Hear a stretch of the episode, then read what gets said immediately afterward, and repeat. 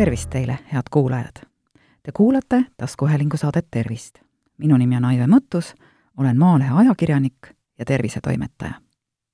paar nädalat tagasi märkasin ma täiesti juhuslikult ühe Eesti väikelinna kooli spordisaali prügikastis veidraid väikeseid padjakesi. nägin neid esimest korda elus, aga saamaks aru, millega tegu, ei kulunud just kaua aega. no võib-olla kümmekond sekundit. huuletuvakapadjad olid need Eestis on huuletubaka müük keelatud, selle omamine ja kasutamine aga mitte. ning veel, selle aasta suvest toimus väike muutus ning tubakavaba huuletubakas legaliseeriti. terviseameti Mürgistusteabekeskuse teatel on nikotiinimürgistused võrreldes eelmise aastaga kasvanud pea kahekordselt ning uue nähtusena kannatavad tervisehädade käes väikelapsed, kes on vanemate laokile jäänud huuletubakat närinud ja haiglasse sattunud keskuse juht Mare Oderi sõnul ei ole harvad juhtumid, kus emad avastavad väikelast magama pannes tema põsest nikotiini sisaldava huuletubaka padjakese. kõigest sellest kirjutas mõni aeg tagasi Maalehes kolleeg Lennart Käämer ning talle vastas kirjaga Fred Sellenberg, nikotiinipatjade maale toomisega tegeleva ettevõtte Foxtrot Uniform Capital OÜ juhatuse liige. vaatame siis lähemalt, millest jutt käis ning perearst Piret Rospuu blogile toetudes teen ülevaate sellestki, millist internetis leiduvat terviseinfot usaldada ja millist mitte. tubakavaba mokatubakat on reklaamitud kui harilikust huuletubakast ohutumat varianti, sest tubaka asemel sisaldab see nikotiiniga immutatud tselluloosi. see arusaam on aga väär. inimesed on läinud lihtsalt reklaami õnge, ütleb Mürgistusteabekeskuse juht Mare Oder. võrreldes tubakat sisaldava tootega on tubakavabas mokatubakas nikotiinikogused tegelikult märkimisväärselt suuremad. kui tavahuuletubakas jääb maksimaalne nikotiinikogus umbes ühe milligrammi kanti, siis tubakavaba huuletubaka puhul on keskmised nikotiinikogused kümne ja kahekümne milligrammi vahel. turul on nähtud ka üksikuid padjakesi, kus nikotiinisisaldus kündib viiekümne milligrammini.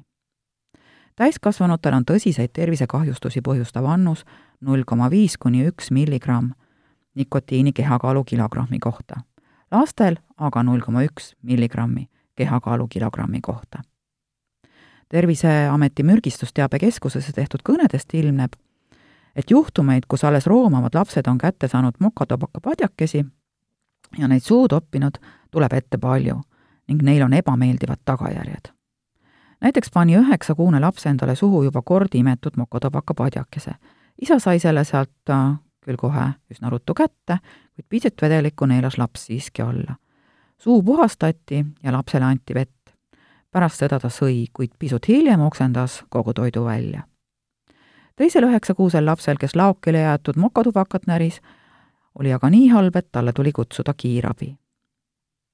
kui üks pea kahene laps oksendas pärast lõunauinakut kaks korda, pani ema oksemassis tähele mokatubaka padjakest lapse enesetunne muutus nii halvaks, et talle tuli kutsuda kiirabi ja punn haiglasse jälgimisele viia. Valga piirkonnapolitseiniku Sander Karu sõnul on huuletubaka tarvitamine noorte seas laialt levinud ning seda kinnitavad ka kooliõpetajad ja õpilased ise. samas vanematel ei ole lihtne märgata, et laps mokatubakat tarvitab, sest sellel puudub sigaretile omane spetsiifiline lõhn. kaks võimalust politseiniku sõnul siiski on kui laste taskutes või kotis leidub salvrätikuid, mis on justkui kuivanud verega koos, tuleks sellele kindlasti tähelepanu pöörata. laps petab oma vanema ilmselt ära, öeldes, et huulest jooksis natukene verd või ninast. tegelikult pühivad nad pärast tubaka tarvitamist sellise paberrätikuga suud ja sealt need jäljed tulevad. või kui lapse kotist ja laualt leitakse ümar karbike, tasub veenduda selle sisus.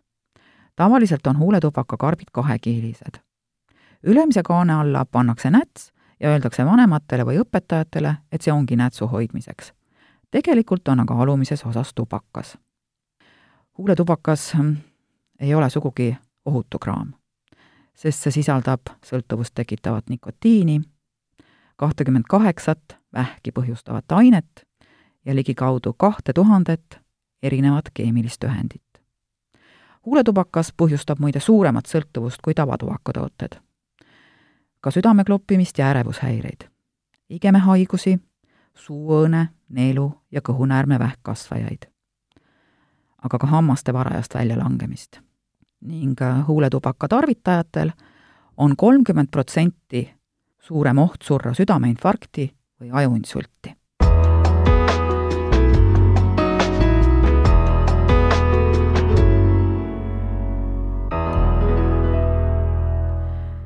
Käämeri loo peale pöördus Maalehe toimetusse Fred Sellenberg, nikotiinipatjade maale toomisega tegeleva ettevõtte Foxtrot Uniform Capital OÜ juhatuse liige ning lajatas lehele nii, et vähe polnud.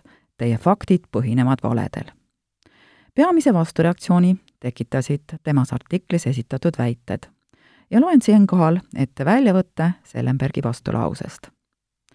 nikotiinipadjad ei sisalda kolmekümmend vähki tekitavat ainet keskmiselt on tema väitel nikotiinipatjade valmistamiseks kasutatud kaheksat kuni kümmet koostisainet ning lisaks mitte ükski neist ei tekita vähki.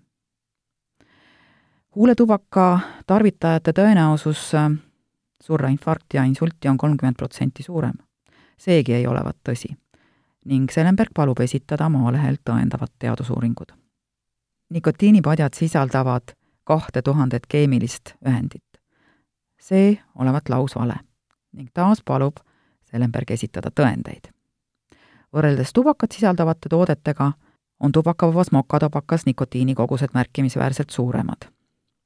Need olid siis need arvud eespool, millest ma rääkisin. see väide olevat lausa idiootne.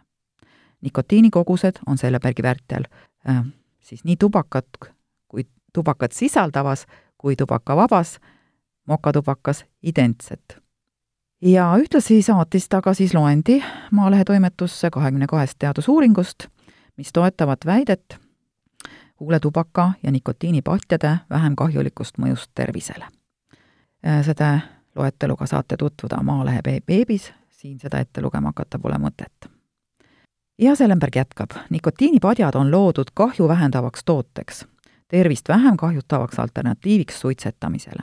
Eestis on kaks peamist suremuse põhjust südame-veresoonkonna haigused ning vähk, sealhulgas siis kopsuvähk.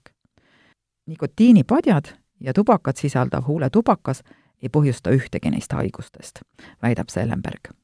samas ei eitanud maaletooja, et nikotiin on sõltuvust tekitav aine, kuid äh, see olevat selgelt välja toodud kõikides nikotiinipatju puudutavates materjalides. pealegi ei ole tema väitel nikotiin kahjulikkuse seisukohast ohtlikum kui kofeiin ja rääkides ohtlikest nikotiiniannustest inimestele, olgu siis täiskasvanu või laps, siis ühes nikotiinipadjas on Sellenbergi väitel keskmiselt null koma seitsekümmend viis milligrammi nikotiini. seega võtta aluseks alla kümne kõne mürgistusteabekeskusesse ja puhuda see proportsioonist välja, on absurdne kontekstis, kus meie riigis sureb suitsetamise tagajärjel tuhandeid inimesi igal aastal. samas on absurdne tuua näiteks juhtumeid, kus keegi olevat kuni kolmkümmend nikotiinipatja korraga tamb-, tarbinud. see tundub äh, Sellenbergile puhtfüsioloogiliselt väheusutav. millel aga põhinevad Maalehe faktid. Need pärinevad Terviseameti ning Politsei- ja Piirivalveameti allikatest. viimane omakorda on toetunud Tervise Arengu Instituudi andmetele, mis on avalikult kättesaadavad veebilehel tubakainfo.ee. lisaks riiklikele asutustele on huuletubaka negatiivseid omadusi tutvustav tekst üleval ka hambakliiniku Maxilla kodulehel. kuidas aga interneti ookeanist usaldusväärne terviseinfo üles leida? perearst doktor Piret Roospuu juhendab oma blogis Sinu terve laps. esimene reegel on see, et kasuta usaldusväärseid lehekülgi. ja eesti keeles on nendeks näiteks inimene.ee, kliinik.ee, Tartu Ülikooli Kliinikumi, Ida-Tallinna Keskhaigla ja Tallinna Lastehaigla kodulehed. üldiselt ongi doktor Rospu sõnul usaldusväärsed suurte kliinikute, riigiasutuste, näiteks Haigekassa, Terviseamet, teadusasutuste ja erialaühenduste lehed. sageli tahetakse tervisejutu lõpuks maha müüa mõnda toodet ja räägitakse kokku ükskõik mida, et aga ost nii-öelda lukku lüüa müügijutt igasuguste käsimüügis ja käest kätte müüdavate pillide, salvide, õlide ja seadmete kohta kuulub kategooriasse väga kahtlane. sest kui müüja näol ei ole tegemist tervishoiutöötajaga, siis äh, mitte keegi neid ei kontrolli ei jutu ega toote osas. mõnikord teevad äh, ravimifirmad reklaamilehekülgi nii-öelda teadlikkusega tõstmise eesmärgil, et siis hästi teadlikud patsiendid läheksid kõik oma perearsti juurde ravi küsima. Õnneks on Eestis retseptiravimite reklaam laiemale avalikkusele keelatud ja ravimifirmadele kehtib võrdlemisi range reglement, millist infot nad levitada tohivad isegi kui nad tegelikult lihtsalt tahavad oma ravimite müüginumbreid tõsta ja seaduse järgi kvalifitseeruvad sellised veebisaidid reklaami alla, on firmadel kohustus jagada usaldusväärset infot, mitte tõendamata lubadusi. Ingliskeelses internetis on kasutusel kvaliteetset ja usaldusväärset terviseinfot jagavatele lehekülgedele paigaldatav on code, see on siis selline märk lisaks on kasutusel teisigi märke, mille jagajad igaüks veidi erinevatel, kuigi ka sarnastel põhimõtetel hindavad saidi loomise protseduure ja info jagamise reegleid. märgid ei anna küll raudkindlat garantiid, et kõik materjalid leheküljel usaldusväärsed on, aga vähemalt on lootust, et veebilehe pidajad toetuvad tõenduspõhisusele ja uuendavad lehte regulaarselt. usaldusväärsetele allikatele jagatavad märgid on ajalimiidiga, olgu see siis kas aasta, kaks või kolm, aga mitte nii, et ükskord kleeps külge ja nii jääbki. ning veel üks oluline reegel, mida tasub silmas pidada. kui internetist loetav jutt erineb väga olulisel määral arsti juures räägitust, siis on parem leida uus lehekülg